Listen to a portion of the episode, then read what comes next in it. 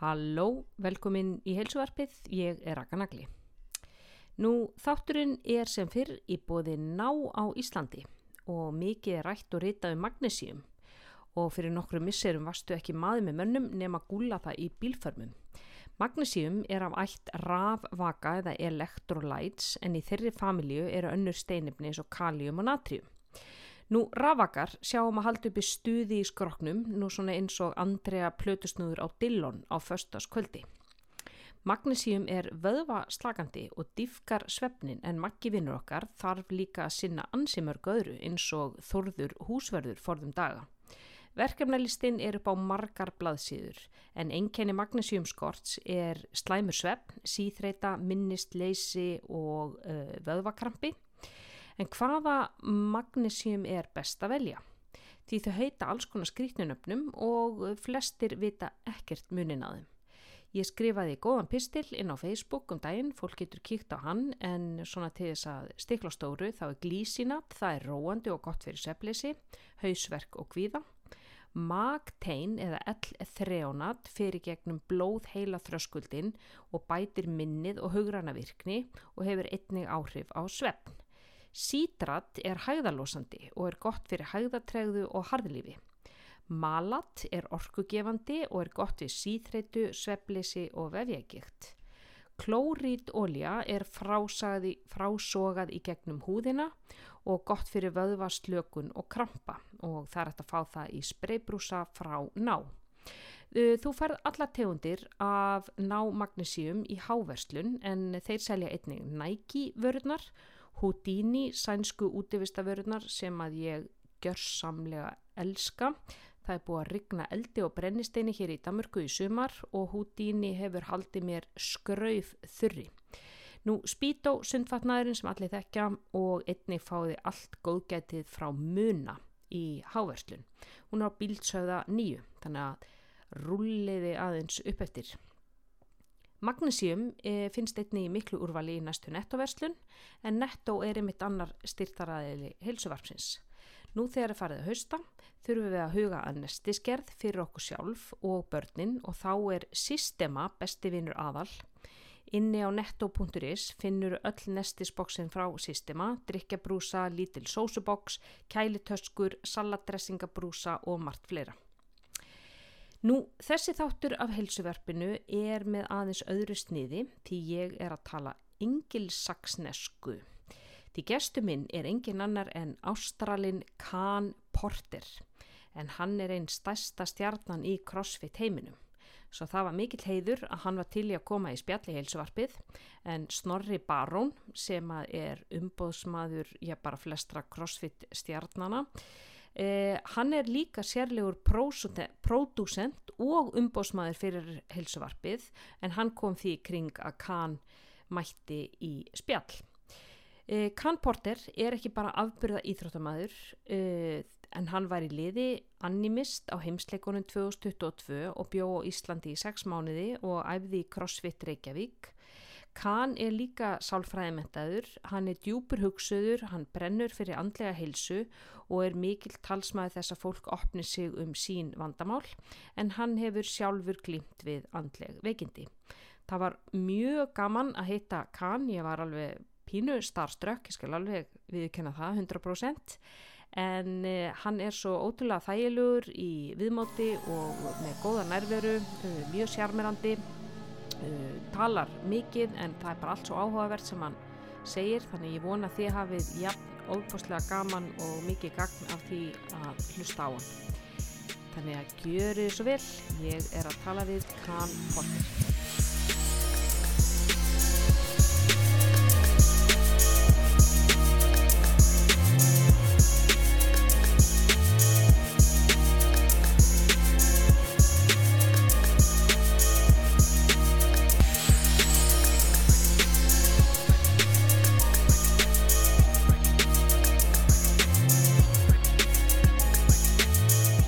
Khan Porter. Yes. You are my first guest in English. Oh, very Yes. exciting.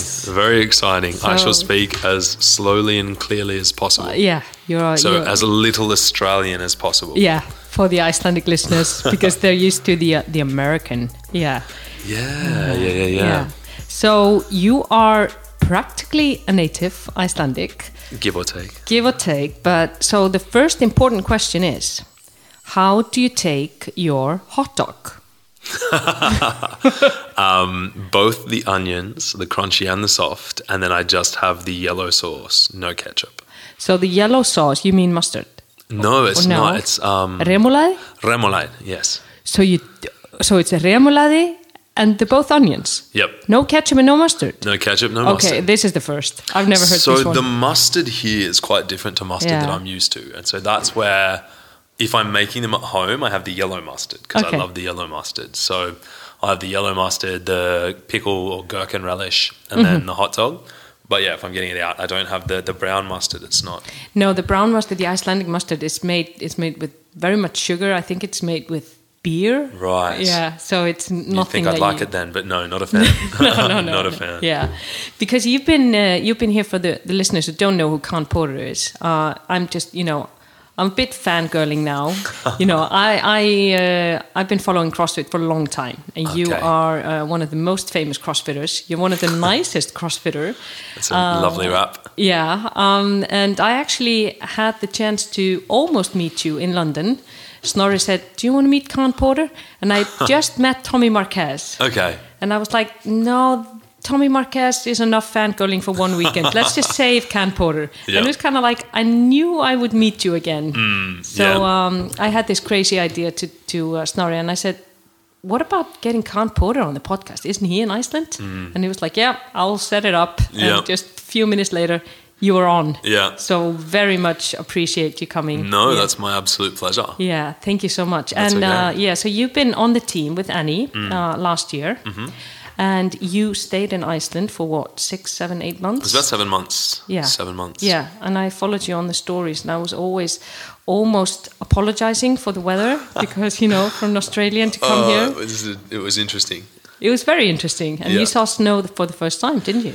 No, I, so I've been to the snow a handful of times. Um, I've never seen it snow. I've never seen snow like the snow that we had here. Um, I, I've only ever, I guess, visited in the snow. I've been in one kind of like a blizzard before once by chance in Germany. Um, but yeah, no, this was unlike any snow I'd seen before, and it was a huge adjustment because when I've seen the snow in the past, I've been visiting, and everything that I've gone to visit is, you know, you stay in a hotel or you're in Australia, you drive into the snow area, then you leave the snowy areas. If you want to go skiing, for example, you'll drive up to a mountain, drive 40 minutes up there, and you can ski.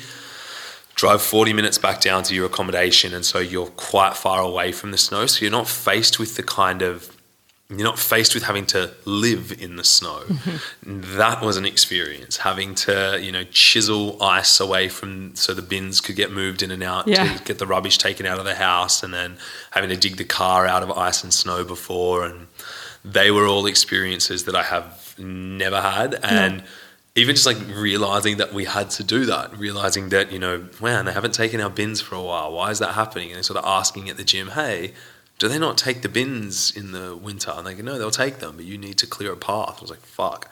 Excuse my French. Yeah. Which isn't French, it was excuse my swearing. Yeah, that's why you can swear on here. So and then so having to get an axe and just hack away an axe and a shovel and hack away at this ice uh, in front of our bins was, yeah, that was an experience. It Yeah. was very interesting, very cool. Very different from uh, life in Australia, I can imagine. No, no About as- shoveling from the bins. About as different as possible. I think we're also kind of the furthest point away from Australia. If you want to travel from Australia somewhere, I think Iceland may be the furthest you can travel. Yeah. So how is it to be so far away? Because where are you from in Australia? Is it Sydney? Sydney, You're yeah. from Sydney. Sydney. Yeah. So how is it? uh, Was it a cultural shock to come here? Because I remember one one uh, video that you and I, I've sh- shown this to many people about the indicator. which I didn't even know the English name of.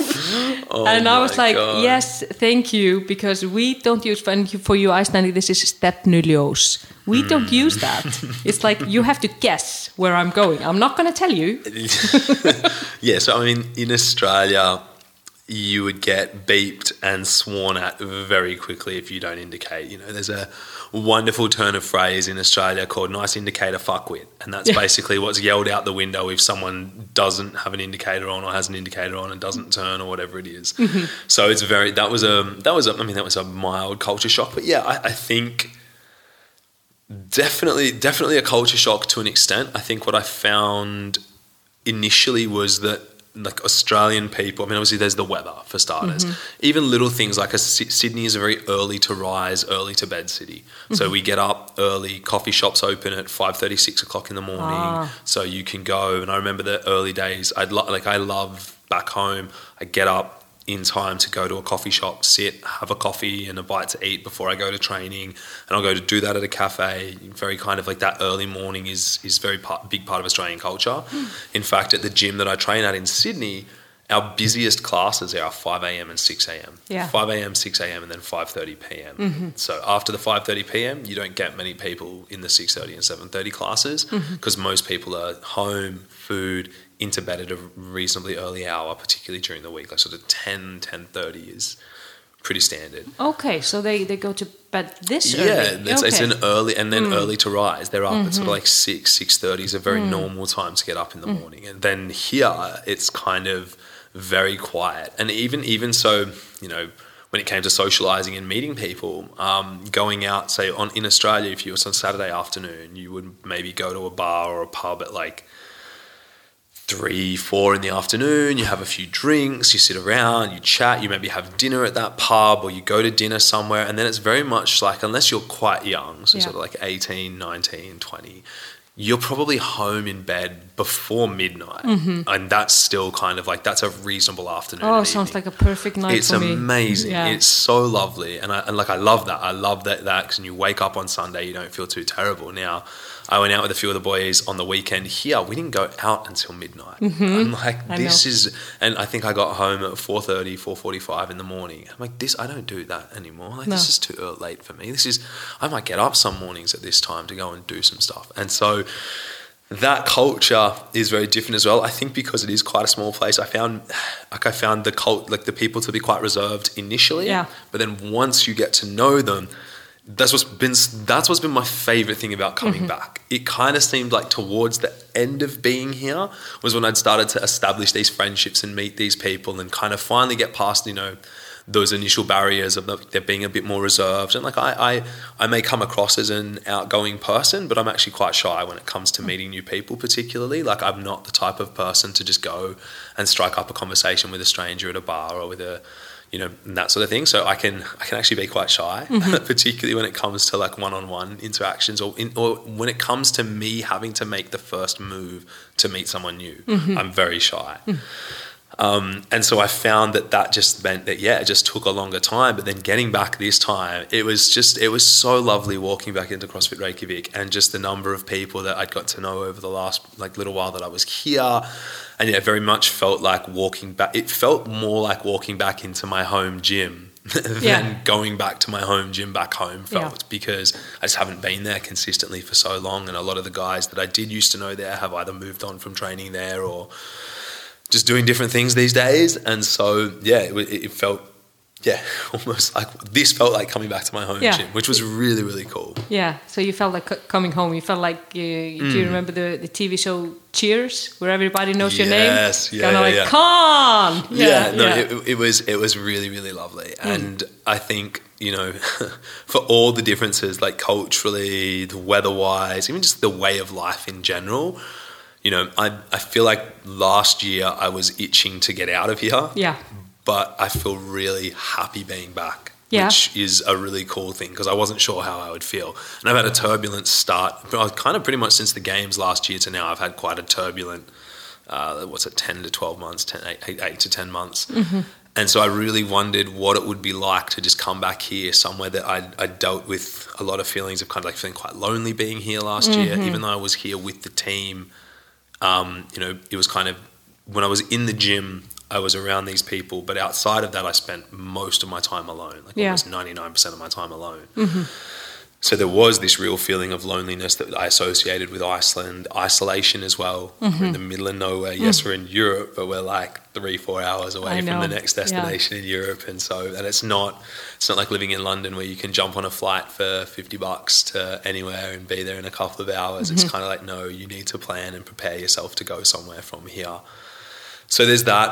That was that was kind of some of my reservations about being back here. But honestly, I got back and I was just like, man, I feel just like a sense of content here that I was not expecting, but I'm, I was really happy to kind of feel. Oh, I'm glad to hear. Yeah. Yeah.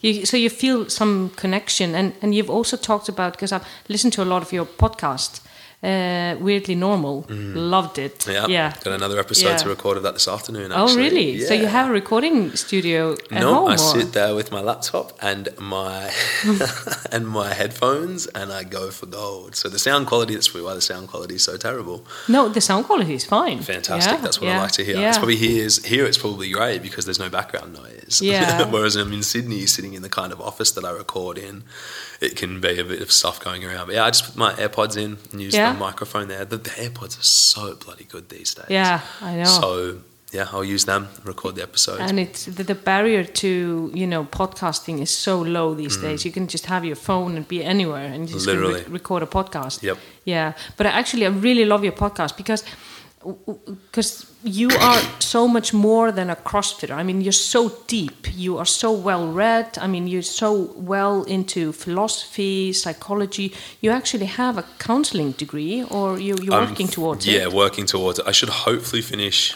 So I'm doing a, a counselling degree, but that counselling diploma, and that's separate to a psychology degree. So it's a psychology degree with a second major in philosophy. Hmm. That'll be a couple more years to get through that because that's very much a part time Mm-hmm. when I'm in Australia. Uh, so I, I mean, I haven't studied for that. I haven't been actively working towards that now for almost a year, Mm-hmm. just because when I was here last year, I tried and it was just too much to adjust to the volume and intensity of Yeah. training and still have the mental capacity to be studying. I kind of wish I did like at least one subject, but you know, hindsight is what it is.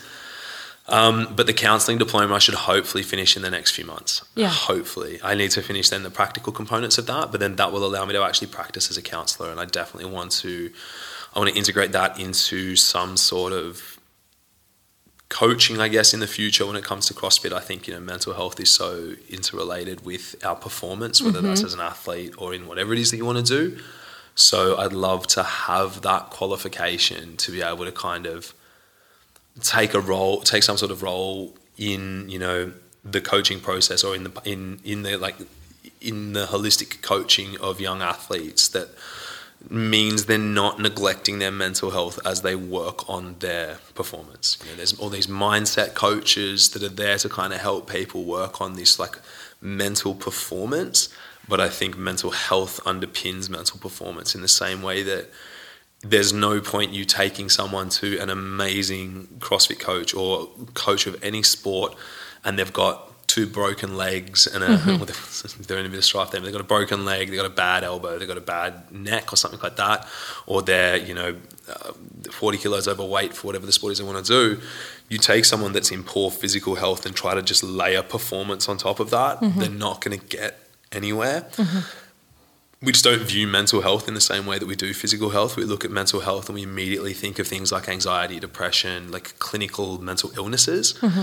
But mental health is so much broader than that. And I think when you take someone whose mental health isn't great and try to just layer these mental performance skills on top, like this person, you know, maybe it's their focus. This person can't focus long enough to actually get into a routine or to kind of do that or they're so overwhelmed or they're so anxious that they can't they, they can't actually even tap into these mental performance tools so to neglect mental health in the pursuit of performance i think is where a lot of these these coaches and stuff it's, it's, it's this whole area of personal development and performance that's being neglected and so that's kind of the space that i want to move into Yeah, But you then- call it mental fitness. yes Yeah, yeah instead of mental health. yeah, I think that gets a lot of it gets a lot more people to buy in. It's kind of gimmicky, but I think yeah, the the phrase mental health just still carries so much stigma with it. It hmm. still carries this idea that we're talking about mental illness and someone to be like, oh, my mental health's not good, is maybe them saying that they think they have like depression or hmm. anxiety or something mm-hmm. like that, and we're so. I don't know, society's so split at the moment where it's like some people are just there's the over pathologize like pathologizing of things. So we want to put labels on everything. Mm-hmm. And then there's the other camp that's just kind of like that is. It's like anti-labeling. It's Mm-hmm. like nah, it's not this, it's not that. Stop calling everything this and that. And I think because that space is so divided, something like just having a new phrase like mental fitness really offers Yeah. people like, huh, we don't really know what you mean by that, so maybe we'll listen to what you have to say without. Yeah, and it also kind of you know encompasses um, it, be, because um, mental fitness can be like struggles, mm. adversity, you mm. know, overcoming obstacles. Whereas mental health, we kind of relate that to, as you say, depression, anxiety, mm. something that's clinical, and people maybe don't relate to that. No, that's not me. So mental fitness is also, you know, having these qualities, you know, to overcome adversity in your life and and you know having that mental capacity um, you you mentioned that you want to do some coaching in in that area and maybe working on crossfit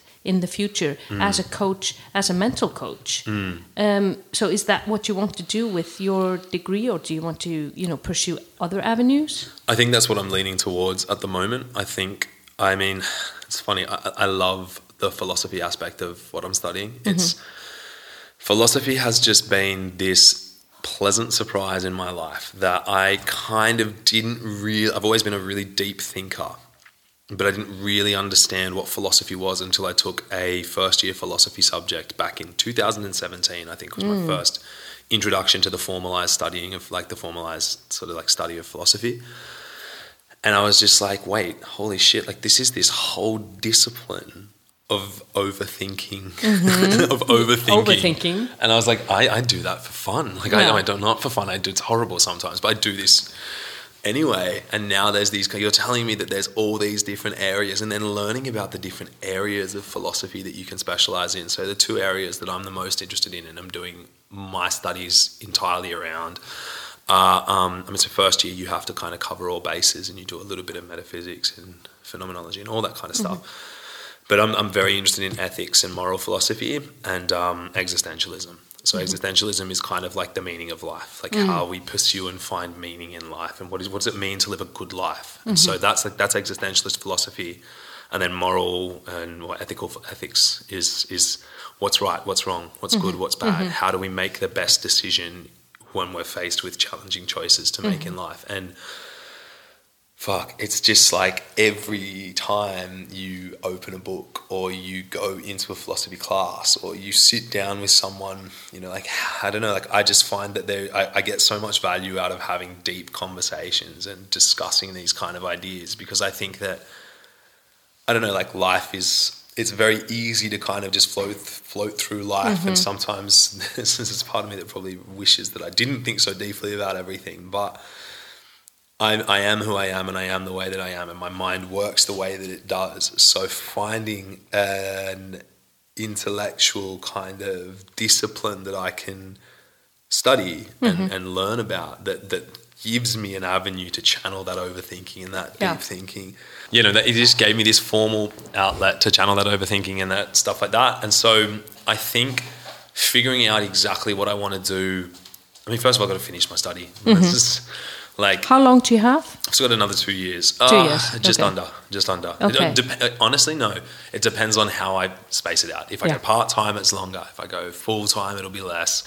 Unfortunately, the university that I was studying at, so I actually changed to this university specifically because they had a psych degree that I could take the second major in philosophy, Mm, mm-hmm. just because I'd loved doing the philosophy so much. But the degree that I was in prior to that was just psychology, and it was mm-hmm. all science-based subjects that you had to do uh, outside of the psychology mm-hmm. stuff, which I just like I'm not scientifically minded. Like I don't like I, I like learning and all that kind of stuff, but when you like that recollect recollection of just like hard facts and things like that mm-hmm. for tests is not my forte. And you want to do more therapy based you want to do more like Yeah. pe- uh, yeah one-on-one Yeah. counseling Exactly, yeah, which is work why the counseling, people which is why the counseling course is so great Yeah. because that gives me an avenue to do that. It gives me the requisite qualification. Like I have the qualification that you need to Mm-hmm. be able to do that and have, I guess, um, professional recognition and you know uh, government subsidy and everything like that. Do you have Australia. any experience with internship? Have you done any counseling? You know, No, I mean, like I've, I've been in and out of therapy myself now for almost ten years. You've been very open about that. Yeah, Yeah. yeah, I mean, it's I think because I look at that as you go to a gym. Let's Yeah. say you start a new training program. You're not going to be like, oh fuck, I can't tell anyone about this new training program. I bit know. Weird. I, I mean, like maybe some people might feel like that about CrossFit. Sometimes I like to be like, what do you do for a living? I'm like, well, anything but CrossFit. Yeah. Sports. yeah, yeah. No, that's usually just to avoid the conversation. Like, oh, what's that? How does that work? And I'm like, when I was a kid, I used to tell people my name. And it was just got so annoying because I'd be like, my name's Khan. And it's Hmm. nowadays everyone's got weird names, but back then no one had different names. But your grew up- brother name is what? Cosmo. Cosmo Yeah. and Dante is the other one. So Yeah. we've all got different names. So your parents are like hippies. Yeah, they were theatre actors. Ah, so yeah. big, big, big, just into giving us all different names Yeah, and all that yeah, kind of stuff, which, which, yeah. which I love now. But when I was younger, I used to hate when people would ask my name because I'd be like, damn it, then they're going to ask a million questions about where's that from? Why did Mm. your parents call you that? I'm like, I don't know, it's just like it's weird and they're weird and I'm weird. It's fine. But did did that contribute because you, you've spoken about being very insecure as a as a child, and I remember in your episode about Mm. just as a child, just as a human being. I okay, think. well, still, still, I'm working on it. yeah, really, Uh, Yeah, of you fe- course. yeah, of course, yeah. So you feel insecure still About certain in things, yeah, I have moments certain, for sure. Yeah, of in course. certain,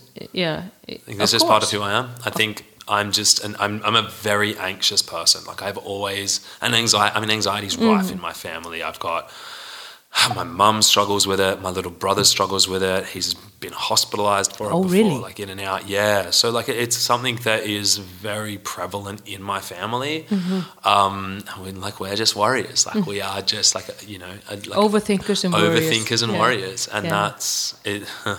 It's frustrating, and anyone that's dealt with clinical, I mean, everyone's felt anxious before, and it's funny. So the episode I was going to do today on weirdly normal is about anxiety because I'm doing Mm-hmm. a series on just big feelings at the moment, big emotions, and anxiety is obviously something that's super close to home for me. So you did guilt, shame, and shame, embarrassment. embarrassment, Yeah, I then- love that. I love that episode. Yeah. And you were talking about embarrassment. Embarrassment is something that happens when you're around other people. You Mm. know, something that you do and other people respond to it, or Mm. you feel embarrassed. You you wouldn't feel embarrassed by on your on your own. That would be shame. Yeah. And you you mentioned Brené Brown, which is no, of She's course, yeah, oh, I love her. oh, everything. Yeah.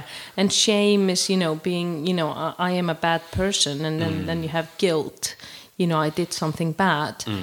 um, and and you, you spoke about the you sp- speak very openly about you know going to therapy, you know having anxiety, having Mm. ADHD, and uh, I remember you, you you talked about being um, wrongly diagnosed with bipolar. Mm, yeah. So how did that affect you to have, you know, first of all, to get a diagnosis? I mean, this is a very, very, very serious condition. Yeah. You know, it's a it's a mental, you know, it's a mental disorder. It's kind of like a lifetime diagnosis. So I how, was how diagnosed in 20 minutes by a GP, so like a general practitioner, doc- practicing doctor. so how, how did you walk out with that?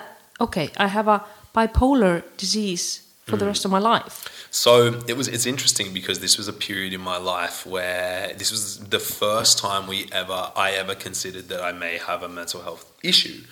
Um, like I'd always struggled with feeling, you know, there were moments of like, like I was out of like these out of body experiences when I was overcome by emotion and all sorts of emotions, like happy as well, and all these kind of different things. And I'd always felt as if there was just something that wasn't right about my mind compared to other people's. But it was always, and there were even little things. I mean, like I had an eating disorder through my teens. Oh, uh, really? My, the end of my teens into my early 20s. It's something that I spoke about. But I always just dismissed these things that were quite serious mental health issues as just like, oh, like everyone's just a bit like this. And Australian, Australia in particular, and uh, particularly like the era that I grew up in, and men particularly, there's this whole kind of like, oh, get over it, like stop whinging, stop whinging, get Oh, over yeah. it.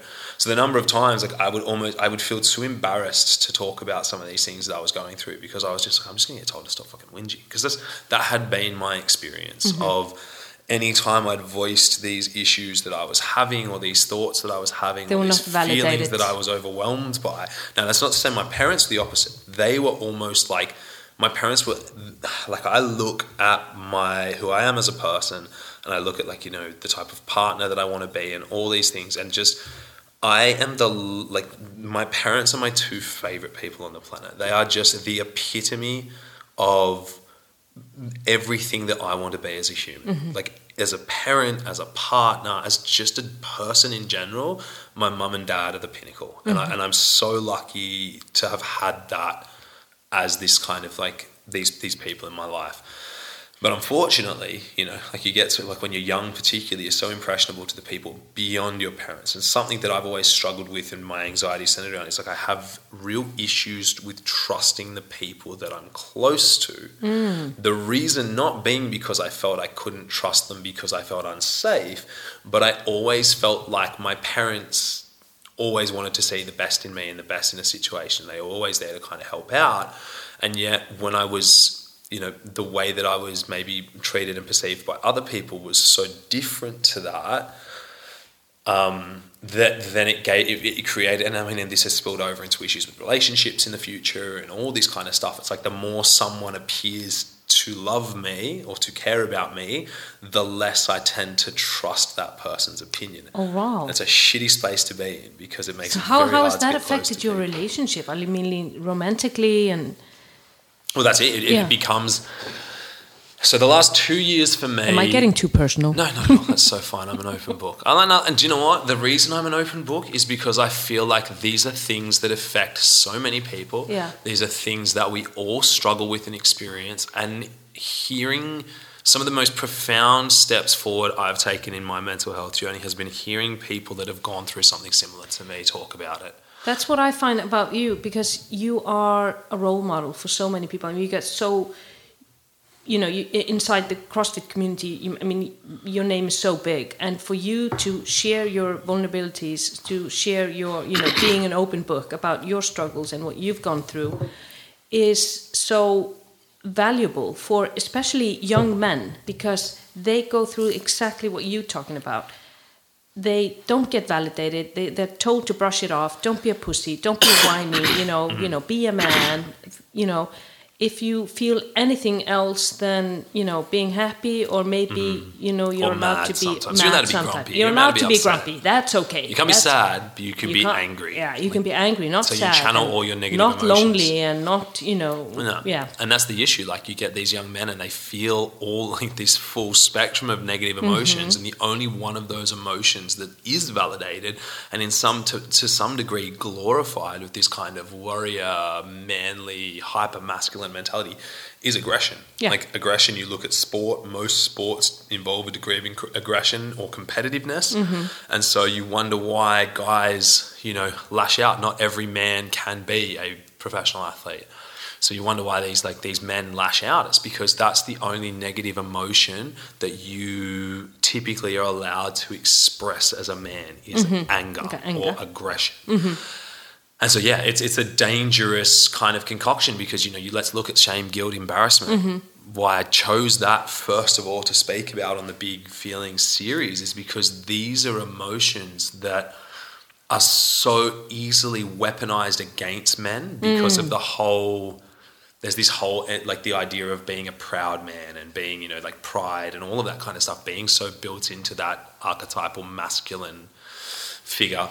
Um, and we're not taught how to deal with when that when we we do feel these emotions and again that's it you know rather than just being like man i'm struggling with shame and it's making me question my sense of self-worth it's making me question my goodness or all these kind of stuff it's just like i'm just mad and i'm gonna channel that Yeah. anger into something I'm just then- gonna Yeah. go and crush it in the gym or yeah, whatever. or like heaven forbid, I'm going to go and get pissed and then Pissed start a at, fight yeah. with someone on the street. So it's just like there's just there's just no healthy outlet. Well, they were getting more, but like yeah, we're not taught how to deal with these. And Do you think that men can actually put a name to that feeling of shame and knowing the difference between shame, guilt, and embarrassment? Because in my experience, men only know name of being happy and being maybe pissed off. They, hmm. There are 140 names of feelings. And you know they don't even know that. Mm. So I'm just wondering, do you think that men even can tell the difference between what they're feeling? I don't Put a label to it. I'm not going to generalize all men to say no, but yeah, no, I think for the most part, no. I think we are now, men are now starting their journey towards emotional intelligence in the sense of like, at the very base level of being able to identify feelings. And I think that's a failing of like for the formal education system for a starter. Like we kind of taught how to figure out those. I said this as a joke. I think the other day we taught how to figure out the circumference of a circle Yeah. or like the area of a triangle. Mm-hmm. Shit that I've never ever, Ever- once ever in my life used No. outside of No. school. And if I needed to, I've now got a, a device in my pocket that can Yeah. answer that. But what my phone can't tell me, what I can't Google is how do I feel right now. No. What I can't, you know, use a calculator to work out is what's the appropriate response to this emotion based on what that emotion actually is. Yeah. How is how do these different emotions show up for me in my body, like physiologically? How Mm-hmm. can how does that show up? What do what behaviors do they trigger? What thoughts and beliefs do they trigger that then lead to me to act in a certain way? Which of those behaviors are serving me, and which of those behaviors are maladaptive and causing me more issues? S- And I figure that all out myself. Cognitive behavioral therapy. Exactly, Yeah, yeah, you yeah. gotta figure that shit out There's no own. app for that. No, there's not. I mean, there is, but they're still not going to tell you No. how you feel. No. and we don't get taught that in school. And no, and, and you, we don't get taught how to set boundaries. No. You know, there's so many, and, and how to have, you know, healthy healthy communication. You know, not being passive mm. aggressive, and you mm. know, figuring out when when we're being, you know, manipulated in some way. But you know, I, I've never had to use any any of those uh, calculation Yeah. things. I mean, yeah, work out what the value of x is in some random no, equation. the only like, thing. I have to work out is percentages. Yeah. How much of a discount am I getting? You know, that's yeah, about it. And you know that's what? about it. Same again though. There's a calculator. I can ah, Yeah. this percent of that. Perfect. Thank Exactly. you very much. But you're normalizing going to therapy. Like you say, you, you tell people, yeah, I, I go to the gym and I go to the doctor and I go to the dentist and I go to the physio. Mm. So, and I also go to therapy. It's just part of your healthcare system as a Mm. human being. So for you to normalize that and talk about that openly is just so valuable. Mm. It's just so important. So what have you learned? I mean, you have, uh, yeah, going back to you, you were diagnosed wrongly with Mm. bipolar, and then you fig- it, it was figured out that it was ADHD. Well, it wasn't just like quickly figured out. It was this was a multiple year journey. It was the, the misdiagnosis took place, but it was at that point in my life that I was again going back to that. Um, yeah, I'd first decided to actually go and seek help and potentially like start to look for some answers as to what it was that was quite clearly not going right for me in my head. So I went to that doctor wanting an answer. I wanted to walk out of there with some sort of guidance as to what I needed to do to get to start the process of getting better. I was young and very much fell victim to, you know, like it's that diet magic pill mentality. Mm. I, that was me, but it was that magic pill of I want to walk into this place. I want this doctor to say, here's what's wrong with you. Take these tablets, see this psychologist. Mm. That psychologist to be like, here's your worksheet for the week. And I mm. go and do that. And in six months, I want to just feel great. I want to feel normal. yeah. So I was ready to accept anything that he said. Now, the thing was, and this is where I made the mistake, me and two very close friends of mine, we sat down and we were like, let's fucking, how do we figure out who to go and see for something hmm. like this? And then we were like, well, let's, like, and this is, you know, two people that I trusted incredibly. Like, one of them was a girl that I dated for five and a half years, and we stayed very good friends afterwards. Still, a lot of love and respect for each other, and we, I mean, we still like hang out every now and again mm. in a group and all this kind of stuff. And so, like, she's someone that knew me very well, and my very best mate. And it was mm-hmm. the three of us as a team were like, all mm. right, let's fucking get you Let's get you moving back- in the yeah, right yeah. direction. And so we we we sat about and it was like cool, like it's not just me thinking this is the it's like I've got this sounding board of two people around Mm-hmm. me and we're kind of going on websites, you're looking at different bits and pieces. And then it was like bipolar just made sense. It's Mm. like sometimes I feel overwhelmed and sad and fuck, I mean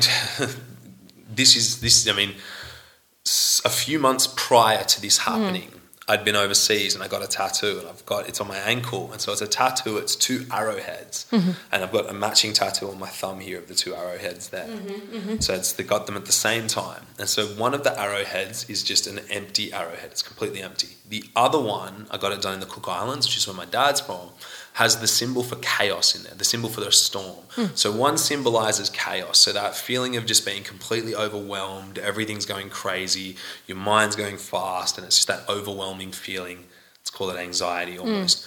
The other one being empty is just kind of this feeling of like complete emptiness, depression, So was- despair, em- like empty inside. So that I was got the that done. bipolar. I'd got Okay. that done prior to even considering Oh. going to get help. So I have this, and I, the reason I got that done was because in my head I was like, man, like I just feel like I'm constantly oscillating between these two feelings. And these The two symbolism- representing the manic episode and the Yes, depression episode. The symbolism of the arrowhead Yeah. meaning that when I do feel these things, I can always choose to keep moving forward, like the arrow symbolizing Ah, forward oh. movement. And that's why I got it on my thumb. So if I was to feel down, look Mm-hmm. down, see my thumb, you can keep moving forward. So I had this, and I had this kind of insight that these were these two kind of ways that I so often felt like I was overwhelmed, like the feeling. And so I was like, man, like, and polarity and like that, you know, like, duality and all that sort of stuff's always been something that's really interesting to me. I have a split yin yang on my wrists that I got because I'm like, man, I feel like I just get pushed and pulled in mm. these two complete different positions, uh, like directions, sorry. And so to me, it was like, right, well, this is it. I feel completely this sometimes and mm. completely this mm-hmm. sometimes. Bipolar. Bipolar. The name itself mm-hmm. makes sense. We went and we had a look, had a look at a few of the symptoms, had a look at a few of the stuff, and like the three of us, we just kind of like, yeah, it makes sense. So we sought out what we thought was someone who specialized in mood disorders, um, particularly bipolar. But yeah, like I said, it was it was a what we didn't re- we didn't realize was it was a GP. It's just a general doctor.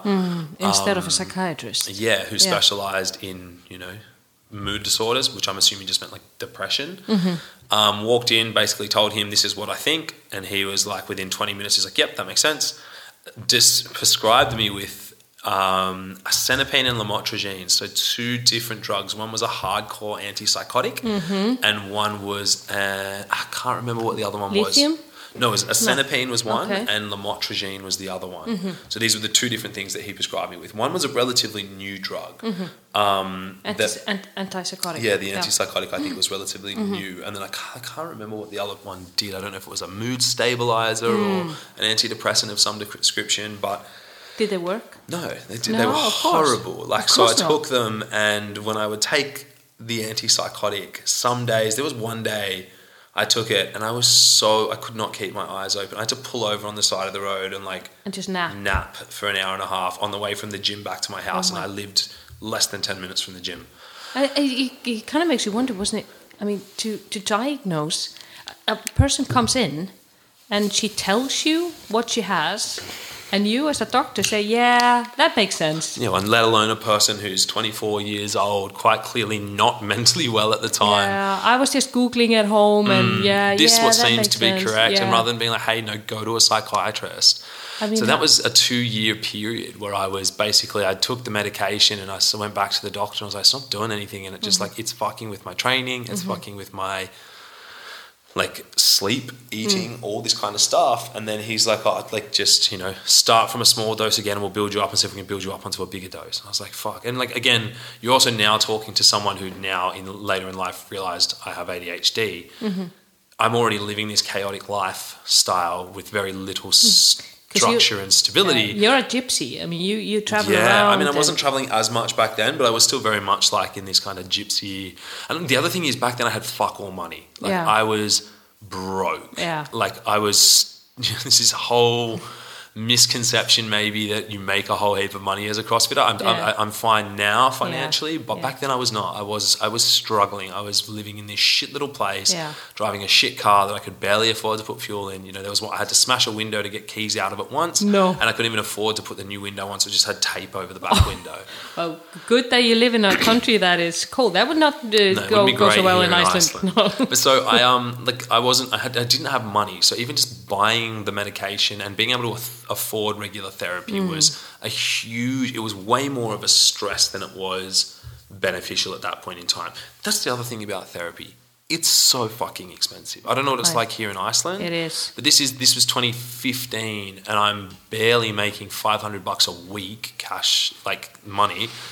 And if I'm going to go to therapy once a week, that therapy is going to put me out of pocket 150, I think, more than that, because the government 150. subsidises a little Australian. Oh, dollars. okay, they do. So yeah. the government subsidised some, but they at that point in time, I think it was like they subsidised eighty three dollars. However, therapists just about add half. that. No, so th- that's not that's not that's not of that one fifty. Oh. That therapist's charging two twenty, and then the eighty three is taken off that, and then I'm paying the remainder.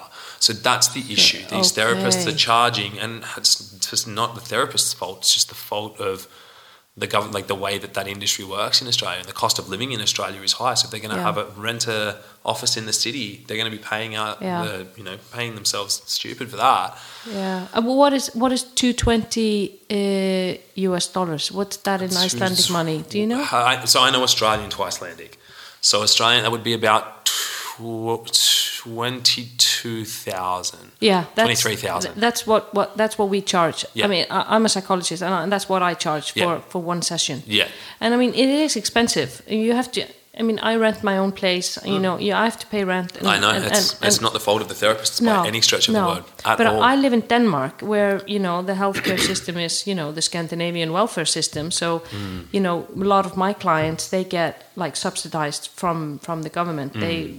they actually pay for maybe three to five sessions. They pay in full. Yeah. Yeah, but uh, here in Iceland, it's been a real struggle Mm. with uh, for psychologists to get the Icelandic government to actually come and, and do some subsidizing for, for, for because we have so many young people in dire need of psychological help. and what are so, They're what not going to pay twenty thousand. Exactly. And what's one of the biggest common, like, what is one of the biggest influencing factors on someone's psychological health is socioeconomic status. So mm-hmm. these people that need access to this care and to these facilities and to the good therapists out there, they're the ones who need that subsidy more than anyone. Anyone, yeah. And that, I mean, like, the process of getting diagnosed with ADHD, like, I put that off two years because I was quoted something like $760 for the initial assessment and a wait period of like six months. Yeah. So here I am, a young man, and I, like two years later, decided to go down that path after seeing a psychiatrist in a state of crisis. Okay, did you have doubts that you had bipolar at that time? Why did you decide to go down that route to, okay, I'm, this might not be the right diagnosis for me? No, I, I, I just assumed I was just, it must have been really bad, and I just wasn't managing it. I just like I just made sure, like, I was, you know what? Then, you know, the more I learned about it, the more it did seem like a pretty severe issue, and it did seem like a pretty kind of, you know, very, what's the word? Um, oh no, fuck! Like this is what you've got. Like this is, you know, it's not, and it's, you know, you've just, whatever. It was, it you was kind of settled for it. yeah, I kind of just like assumed that that was the issue and that, that I'd just been to a shit doctor that wouldn't try different medications. And it was only kind of two years later when, you know, once again was just that I found myself spiraling. And a lot of the time, spiraling for me looked like just self medicating with um, alcohol and I guess like recreational drugs. And so I just was in this state where it was like that was my coping, and inevitably, just like doing that regularly just makes your mental health way worse anyway. So I mm-hmm. just found myself in this other kind of like this spiraling kind of state. I'd missed the CrossFit Games that year, 2017, for the first time since I'd first made it. So mm-hmm. I was like, fuck, I've got this time and I'm not happy. Things aren't going good. Like I'm in, you know, once again, this kind of state of crisis. I'm not going to go back to this same doctor. Why not just find an actual psychiatrist? And so same, same. Just found a psychiatrist, like a general psychiatrist that looks like they kind of fit the bill for what I was feeling and experiencing, mood disorders, all this kind of stuff.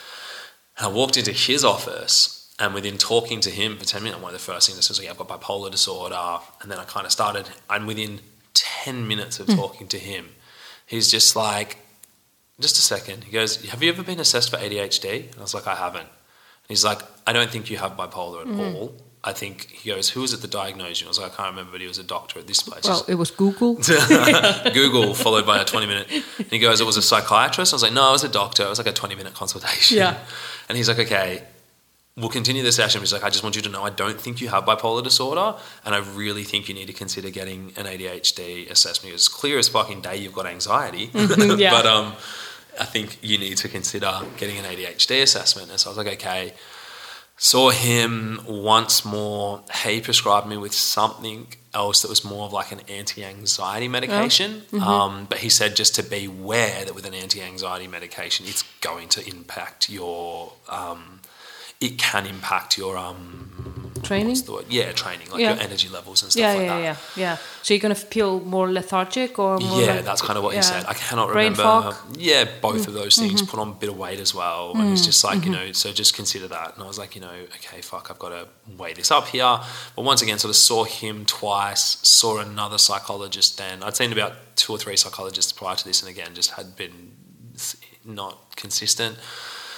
He then sent me to another psychologist, and it was then so I saw that psychologist, and it was then that I kind of first initially like looked around for can I find a place to go and get diagnosed with ADHD, and again, like you said, that kind of gypsy. At this point in time, I'm traveling a lot, um, and I remember the, it would have been what's this probably like May that I've called them to try and get booked in, and they're like, "Sweet, we can get you in on September 29th, and it's going to be seven hundred and whatever dollars. Hmm. We actually take a down payment of like 450 now, hmm. and it's like, and then that kind of reserves your spot, and then it's non-refundable." I And you're like, making 500 bucks. Uh, I'm making a bit. No, this is a bit more at this point in time. I'm making a bit more at this point in time. So 2017, I, I was making a bit Oh. more consistent income. About a, 2016, I started to make a little bit more consistent income through hmm. CrossFit stuff, and 17. So the money, but put it this way, not enough to just go. Here's 450 Yeah, dollars for me to maybe come to this thing in September. three months from mm-hmm. now when I don't know where the fuck in the world I'm going to be mm-hmm. um, to hopefully get an answer. Mm-hmm.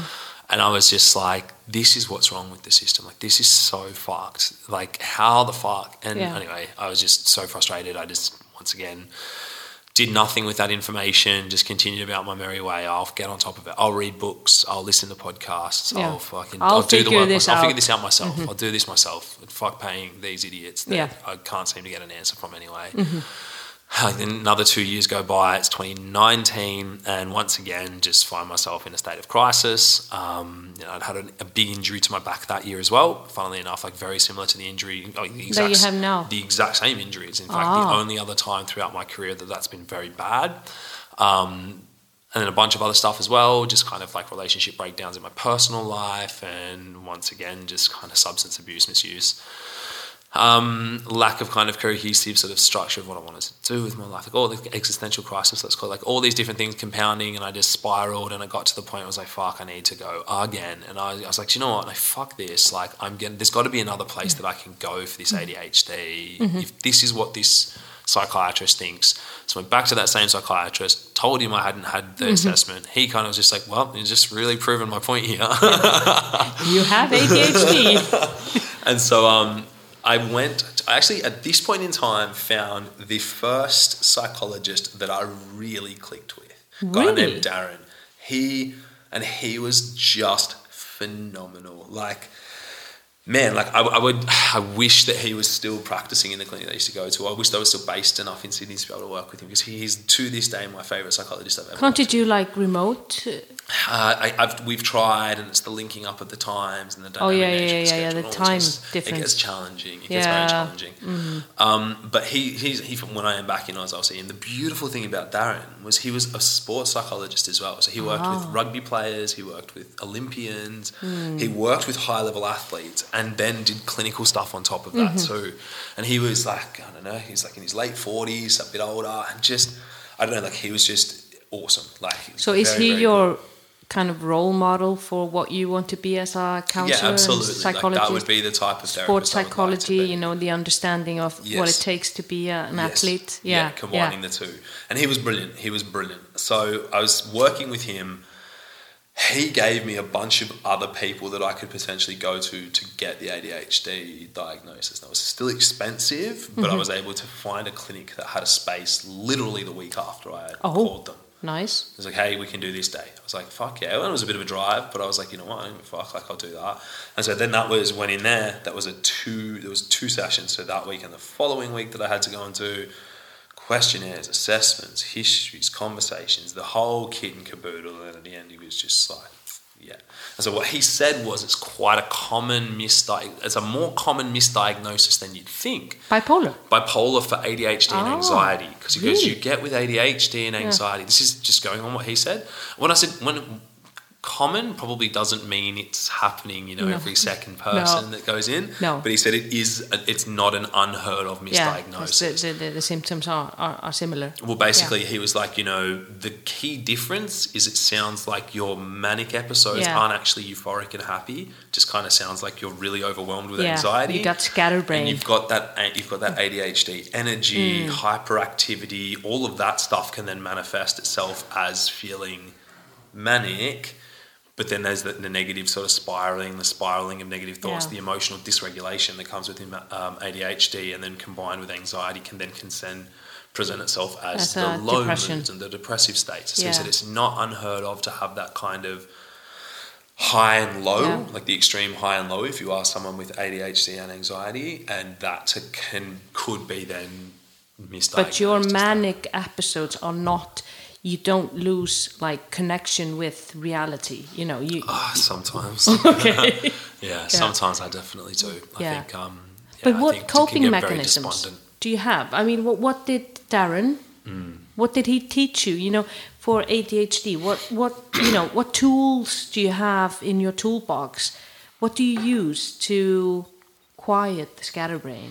To Um, it's an ongoing journey. yeah, I think first and foremost is just like an aware, like, and something that I've worked on is cultivating an awareness of when I'm starting to become agitated, whether Yeah. that's like scatterbrained, whether that's overcome by anxiety. The number one thing is environmental control for Mm-hmm. me. I know, like, if you put me in a situation where I'm likely to be really anxious or really kind of scatterbrained, all that sort of stuff. If, I, if I'm going to go and try and do work, let's say with uni, for example, I mm-hmm. know that I can't go in expecting to just sit in a library to have my phone there, phone sitting on a table, and be like, I'm going to work on this assessment for mm-hmm. three to four hours right now, and I'm going to pump through it. That's just not practical for me. So what I do I figure out what is the different like steps that I'm going to need to complete to complete this task. Like Break what it is down to- yeah, what is the minimum amount of like effort that I can not effort, but like a minimum amount of work I can do in one little go Mm-hmm. to actually kind of make progress forward. So it's like cool. First thing you're going to do is you're going to find five articles that are worth reading. ah, so you break it, So break the I task in- down yeah, into and, yeah, and I'm using uni as an example. This is everything. yeah. If I need to get something done and I don't want to be scatterbrained, this is how I do it. So do you also do it with training? Like you know, if you go into a WOD, you know, it's like 200 meter run, Mm. wall balls. Do you, do you break everything down into pieces or Sort of, yeah. Yeah. I mean, I, I think that for me, exercise is this its own beautiful thing where I don't need to long like long cardio. Yeah, yes, like yeah. we do our sort of between one to two hours of zone two cardio every now and again, and so I can't just you know I used to do it with Tola who was here, so he'd sit on a bike for an hour and a half, and he was fine with that. I can't do that, so Oh it's my like God. all right, I'm gonna do. Five minutes here, five minutes there. So I've now got it to a point where I know how to do an hour long session, Yeah. an hour and a half session where it's alternating and it's just amount of time on different things that I change enough that I get that variety. And then when I'm on there, I'm playing games of like, this is how you're going to focus on your stride lengths. Yeah, I am, I'm thinking of different things to keep so long occupied. cardio sessions must be hell for an ADHD yeah, brain. I mean, like I also have now started watching Netflix while I do it, which is, I mean, you're working so slowly that it's okay. yeah, yeah, yeah, Yeah. But do you think that Good you chose. CrossFit because of your ADHD? I mean, Mm. because um, you're always doing something new. You know, Yes, it's, it's going from one thing to another. Yeah. It's like really high tempo. Yeah, Do you think short that workouts. you? Yeah. yeah, it makes you- sense. Yeah, absolutely. I think Yeah. I gravitated towards it. But just going back quickly because I Hmm. want to give this like the coping mechanism thing Mm-hmm. a little bit more attention. Like I do that environmental control is everything. So understanding like having a plan in place for the process. So like that breaking down of the tasks and like do the task and then go do something else. Lo- get my phone out of my bag. Don't have it sitting on the table. Have it in my bag. So do that mm. first task. Get the phone out and go again and like ha- like being disciplined with that it's like doing one thing at a time that's another mm-hmm. big one multitasking for most people is terrible i think mm. there's studies that show that the, is every task you do additionally to the task you're focusing on reduces your capacity to like your ability at that task by like 50% or something. And I, I don't quote me on those numbers, but, But it is the- something massive. But the brain can only focus on one task at a time. Yeah, There's so a reason for yeah. I mean, it's illegal to text and drive. Yes. We can't be at both Yes, places. Yeah. exactly. So mm-hmm. doing one thing at a time was huge. I used to be the ultimate I can multitask guy. I can't. I cannot multitask when it comes to high cognitive tasks. I can walk and talk on the phone at the same time. I can multitask. But when it comes to highly cognitively demanding tasks, I can't. I don't want to because I'm not going to put my best effort in.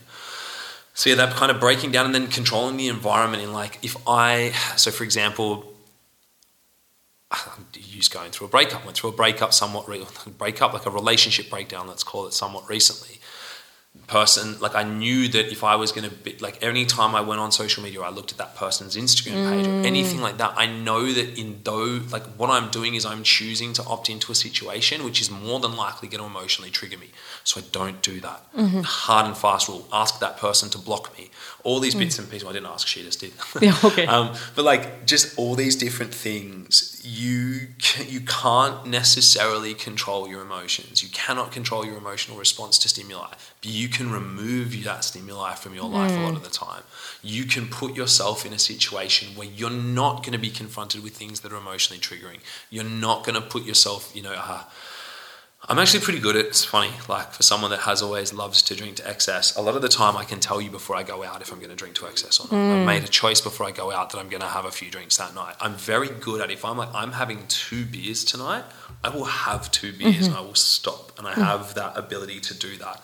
But what's even better is if I don't even want to be tempted, don't go out. Mm. Don't go out on like find something else to do on my Saturday night. Yeah. If I don't want to be tempted into having a big night and whatever it is, like don't go Con- out. Like control your environment. yeah, control it sounds a bit like uh, atomic habits. I mean, like James Clear talks about in his book, that you know, control your environment, be the architect of, of Mm. your own environment, and you know, remove those Mm. temptations. And you know, like with food, don't have tempting food the first thing that you see when you open the fridge. Yeah. You know, keep it at the back of the fridge, or Yeah. keep it in the you know in the pantry or somewhere you can't see it. So we can do that with everything. Yeah. And like you say, you, you, you go and you, you have to finish a task. You keep your phone because the phone is a distraction. The phone is a temptation. Keep it somewhere else. And Mm. Yeah. I remember he talks about he keeps his phone just upstairs. Yeah. But you know, it takes him one minute to catch it. But Yeah. you know, to go and get it. It's as simple as in your pocket versus if you're like if you're out having a like if you're having dinner with someone, you're having a conversation. Your phone, we're so we're so conditioned to your phone on Yeah. your table. So it's like the phone on the table face up is bad. Phone on the table face down is bad too, but not as bad. If you're just having it in your pocket, pocket, so you actually have to go through the process of pulling it out to look at it. Mm-hmm. You won't touch it anywhere near as much as if it's sitting there on the table. Like little things like that are so have had the biggest effects on me. Like but all of that's underpinned by, I guess, like cultivating self awareness, like spending time fucking getting to know yourself, So figuring that- out your triggers, figuring out what is going on, what do you like in your life, what don't you like, why don't you like it, that that whole idea of that. What emotions do? Mm. What emotions do I struggle with? And I know what emotions I struggle with. How do they show up in my body physically? Ooh, so now I can pick up if I'm starting to get triggered, if I'm starting to have like a bit of an anxiety attack the hardest time for me, like the absolute hardest time for me is the night. And it's like that kind of gets to that point where everyone else is going to sleep and you're still awake. And it's like, how do I not now start to just like descend into like an anxious, like anxious spiral and waking up in the middle of the night? If I wake mm. up, I don't sleep well, I don't sleep through the night. Wake up Oh. at say like two in the morning and I'm awake. I can't get back to sleep. And it's like, man, okay, like, don't go on your phone, don't go on Instagram, don't mm. text someone, mm-hmm. don't do this, don't do that, like don't do these things, don't get out of bed and walk mm-hmm. around because it's going to wake you up. And so like I have little things like I have audio books that I'll just mm. put on and I listen to them and Yeah. they're like books that I'm interested in, like mm-hmm. genuinely interested in what I'm listening to.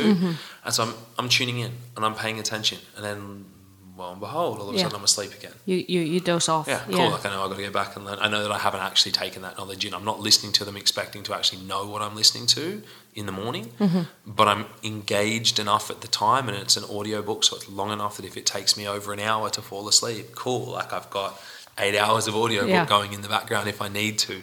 So even just little things like that have been massively beneficial to me for managing the different symptoms that I get kind of struggle with but they're all underpinned, yeah, by that self awareness. Yeah. And there's things like there's this in the moment stuff, like okay, if I feel completely overwhelmed with anxiety or whatever it is, that's called. I use the word triggered. Like the word triggered triggers people. I think these days, and so much verbiage. But what are your triggers? So of for, for anxiety, I mean, for example, how does anxiety manifest itself in, in your body? What what bodily sensations do you feel, and do you can you connect that to an trigger a trigger in the environment or or in within yourself? it's it shows up first and foremost in the stomach for me, stomach chest area. Like it's kind of a weird.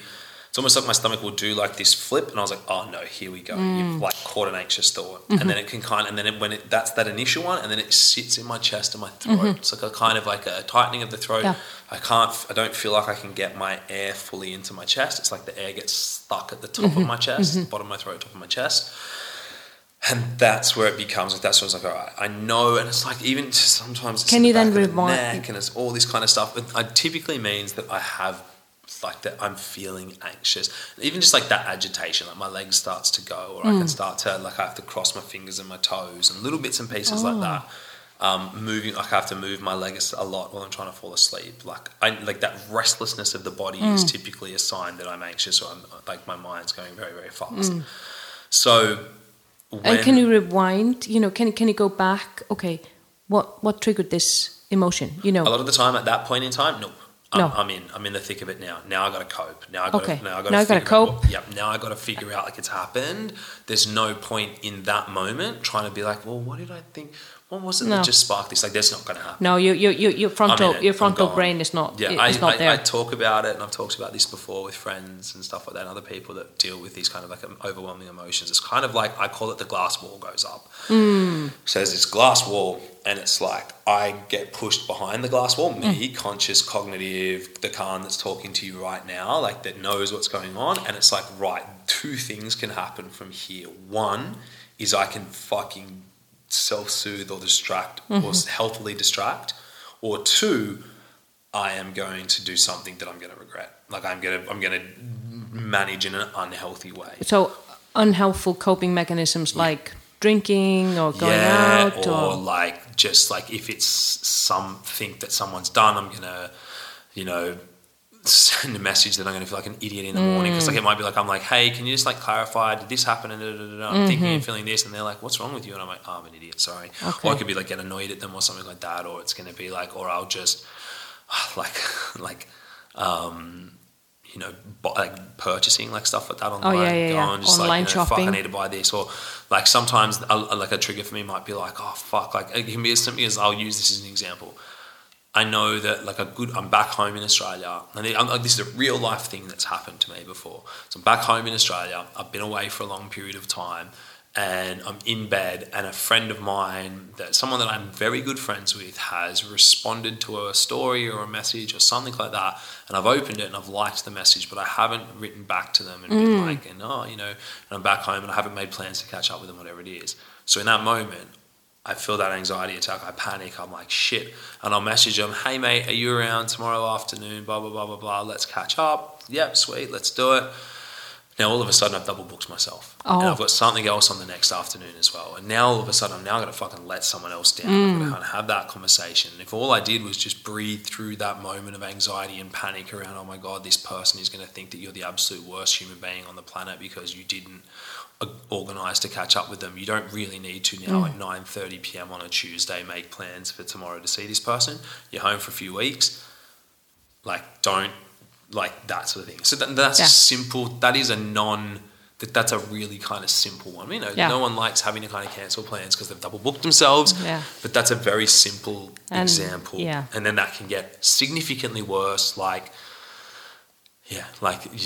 But there, there comes in the people pleasing aspect as Mm. well. You never want to disappoint anyone, you know, keeping everybody happy. Mm. And then comes that shame and guilt and that Mm. fear of what is that person going to think of me if Mm. I let them down and, you know, cancel on, on our plans. And, you know, what if they find out that I met this other person instead? And, you know, everything Yeah. about that. Yeah. Yeah, exactly. And I think when you do, you know, have like chronic anxiety and things like that, it really does wreak havoc on your sense of self. So your sense of self, then you know, you add in the trust issues around people that really care about you.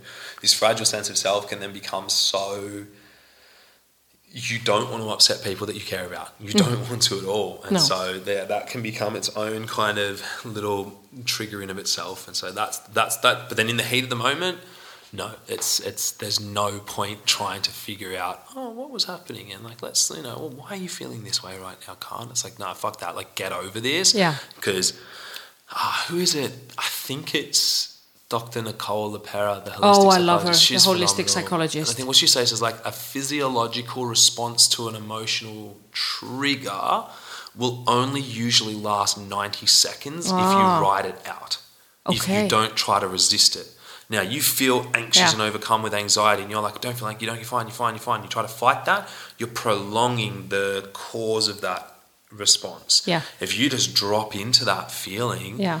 most likely it's going to take you 90 seconds. You can find something to do for Yeah. 90 seconds that allows the physiological f- sensations to pass, and then you can slowly start to try and bring in cognitive, like get you get control of your brain again. It's like surf the feeling. I mean, Yeah. for you as an Australian, you know, just to surf it and Yeah. then, you know, just let that wave just Yeah. come over you and then it's just gone. Yeah. I often, you know, use that, you know, metaphor of, you know, you're standing in a in an airport and you're standing, you know, with a belt conveyor, you know, with uh, all the bags. Mm.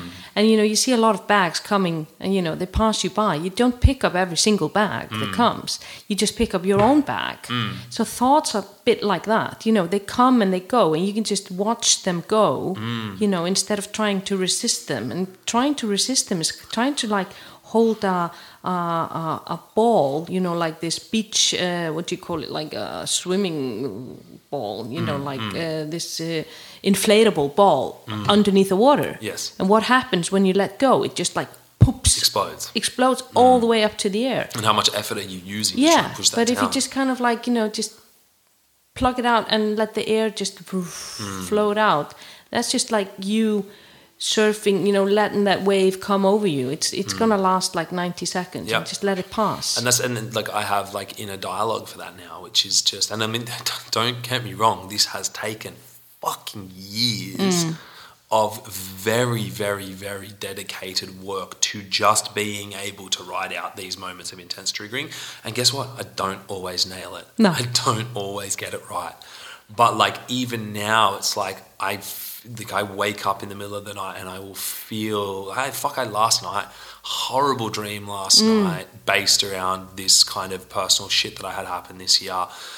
Woke up so anxious, so overwhelmed by emotion, and my initial thing in those situations in the past, the first thing I would have done would have been like grabbed my phone to see uh, is this anxiety founded? Can I find something that makes that hints that what I'm worrying about right now is valid and these these thoughts and feelings are going to come true. And I know that if you try hard, and like you know, anything's offensive if you look at it in the right way.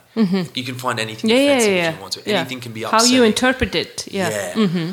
So it's literally it's just like, hey, like the conversation is it's a very caring voice and it's just like you're triggered right now, just drop into that feeling. Mm-hmm. Don't resist it.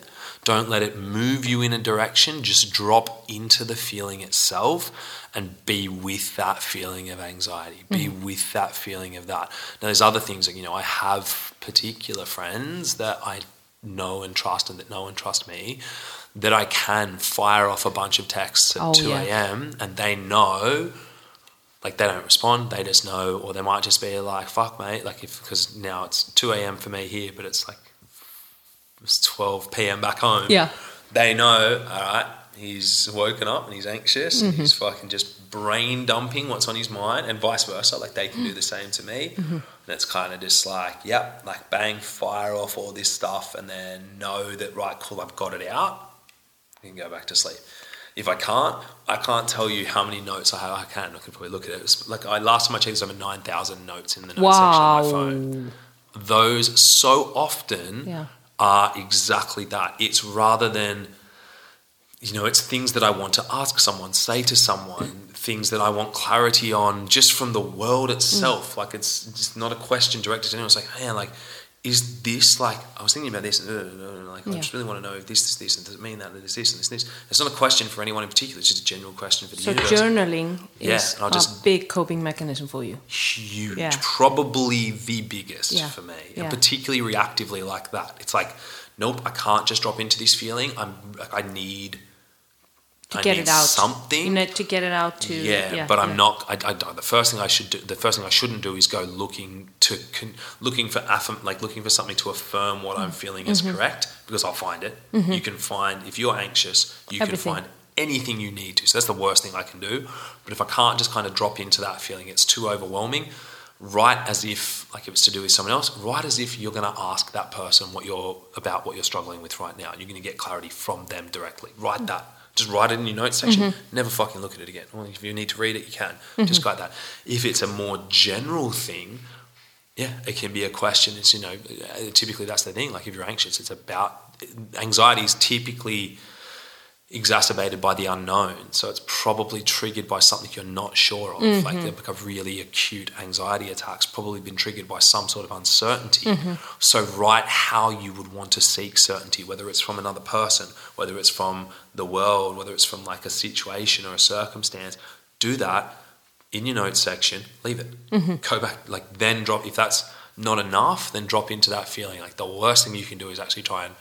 I mean, it depends. If you've got someone that's really understanding and that's close to you, maybe you can ask for reassurance in those situations, and that's where finding a partner that's extremely understanding of anxiety uh, is so. Or having good friends like you. Yeah, exactly. Or having like good friends that are really able to just kind of be like, I just had a friend and she reached out to me recently and she was just like completely overwhelmed and all this kind of stuff. And it was literally just that, like a, and I was asleep at the time and I woke up the next morning. She basically had a conversation with herself. And at the end, she was just like, thank you for making me feel less crazy. I didn't do shit. Oh, I didn't say no. anything. I just was, I was asleep Yeah. while I got all these text messages. Yeah, but you were, you were just there, you know. Yeah, exactly. and it's that anxiety is often, you know, that that we, we don't handle uncertainty quite good. You know, Mm. No. we want to be certain of, you know, where am I going? What is it going to be? But We now, have an incredible ability to find uncertainty in everything. Everything. Mm-hmm. That person said when they said they're definitely coming, then they didn't message me three times Yeah, afterwards. did they really Normally they it? would. Hmm. They only message twice. That third time, something's wrong. Something's definitely wrong. Like Yes. we'll make And- the uncertainty. Oh yeah, yeah, yeah, and we will interpret it anyway to fit our beliefs, our Mm. Self-core beliefs. But you you are now at a crossroads with your because we we haven't really spoken about CrossFit, and uh, that was not really the the intent with with the podcast. I Mm. really wanted to speak about psychology with you because I, I I find it fascinating how you know all the knowledge that you have and and your education and, and the level of depth that you have in that that area.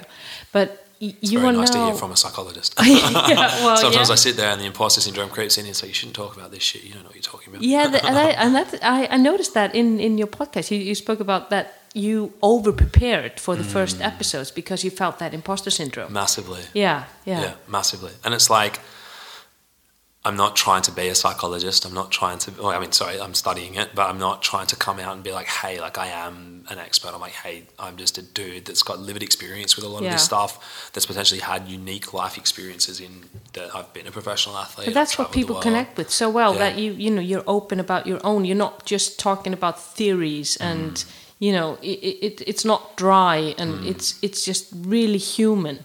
And uh, you're now at a crossroads or not crossroads, but you had ambitions to Mm. compete as an individual 2023 and Mm-hmm. then you're back Mm. decided that you should not Yeah. and so now you're in iceland you're training with Jami Mm. and you've spoken really highly about Jami and the training plan Mm.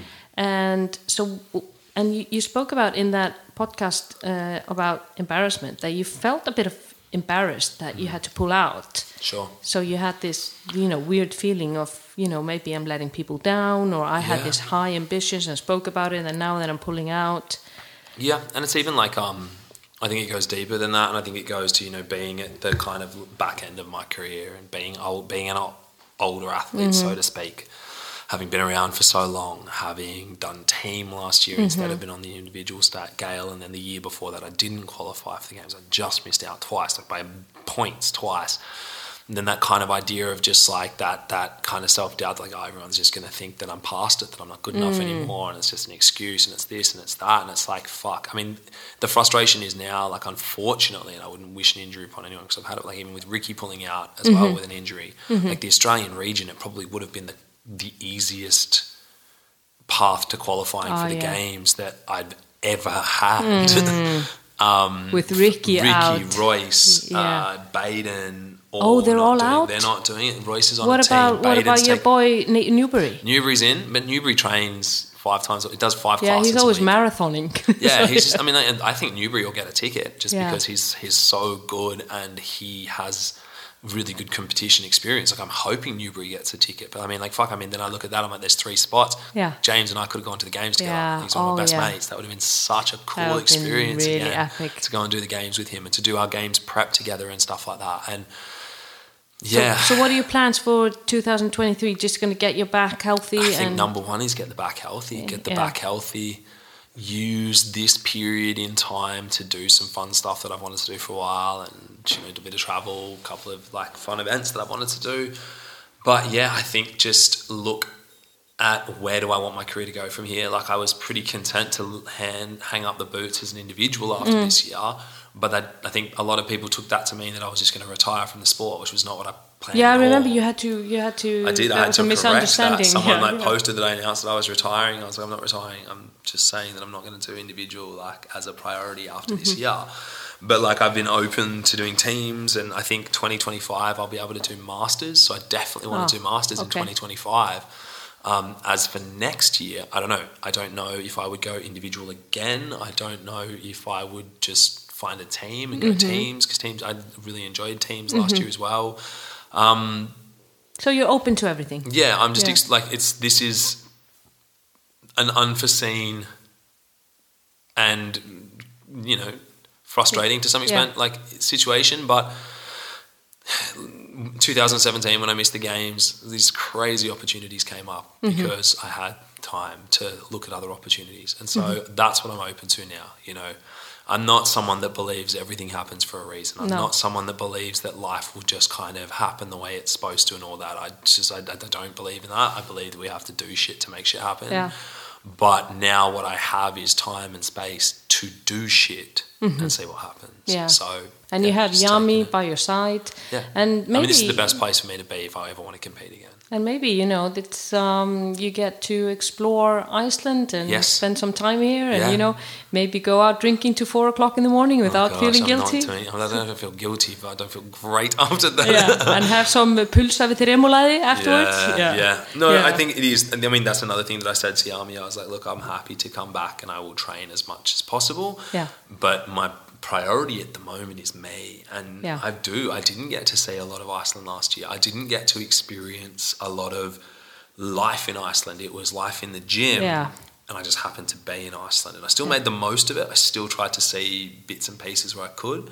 But yeah, like I was even chatting with one of the guys today and we are talking about snowmobiling. And I was like, man, if you're going on a day that I'm training, I just won't train that day. Yeah. Like I'm just, you know, And you have the you have now you have the opportunity. Okay, that's okay if I miss one training. You know, Yeah. whereas if you're competing, it's that's not No, an option. Absolutely. Yeah. not. Like if I miss like a session here or there, or like if I if I get really bored and I don't want to be here, I'll fly down and I've got friends in other parts Yeah. of Europe. So hey, I'm just going to go to London for two days. Yeah, I'm just so- going to go down to Spain for a couple of days. Freedom. Like whatever. We just have to get you to uh, another apartment that uh, doesn't have demons in it. That was that was an offline offline conversation. Uh, very Yeah, yeah, interesting yeah, discovery yeah. there. But, I think I think I also just want to move back towards downtown while I'm in here. I just like I prefer. I think you should be downtown. and downtown's cool. And I just I'm very good at entertaining myself if I've got stuff around me to do. And so if I can just kind of go, you know what? Like so for example, let's go. I'm like I'm in my apartment and I'm starting to feel like I'm getting anxious or getting worked up. But I can go, you know what? I'm just going to go walk out and get Yeah. a coffee. Just go and be around people. I'm going to walk down to a bar and I'm just going to have a beer at the bar and just sit there and I'm around people and I'm not in my own head. Or hey, I'm just I'm going to go and I'm going. I don't know what I'm going to eat for dinner tonight. I'm going to go and walk until I see a restaurant Yeah. that strikes my fancy. You need like to be downtown, Khan Porter. I think I Yeah, agree. you're I not agree. you're not a suburban man. I don't no, think. no. I think if I had like I, I like I love the idea of like if I have a partner or someone like that, and I'm kind Yeah. of there, and, I, and I'm settled. Yeah. I'm not settled at the moment. When I'm settled, I love that. I love being Yeah. out of the hustle and bustle and having my own space. But I'm not settled at the moment, so I'd rather be somewhere that's unsettled. Yeah, yeah. So, uh, just as a final word, do you have any Icelandic that you picked up? Uh, takk fyrir Takk fyrir. and daginn. That's about it. já. That is the extent of my Icelandic. All right. So, uh, any Finnish words to Jami? No. No. No Finnish words. Every time I ask him about Finnish, he's just like, it's very complicated. That's Yeah. just kind of the extent of what he'll tell me about the Finnish, Yeah. Finnish, Finnish, Finnish people and Finnish language. Yeah, yeah, yeah, yeah. Well, the Icelandic language, that's complicated for you. I know yeah. there's letters everywhere, and I'm like, well, what sound does this make? Yeah, yeah, yeah. But Khan Porter, thank you so much for coming No, to it's my, my, pleasure. podcast. Thank you. I hope I didn't speak too fast. For No, you did not. I mean, the Icelandic people, they're quite fluent in English, so yeah, Mm, they, I just yeah, they and, much and appreciate hopefully it. the pronunciation was good, and I didn't speak too quickly. No, it was perfect. But thank you so much for coming. And worries. um, so I'm gonna switch to Icelandic og til ykkar hlustandi góður, takk kærlega fyrir að hlusta á heilsuvarpið og þang til næst, verið bless. Sounds good.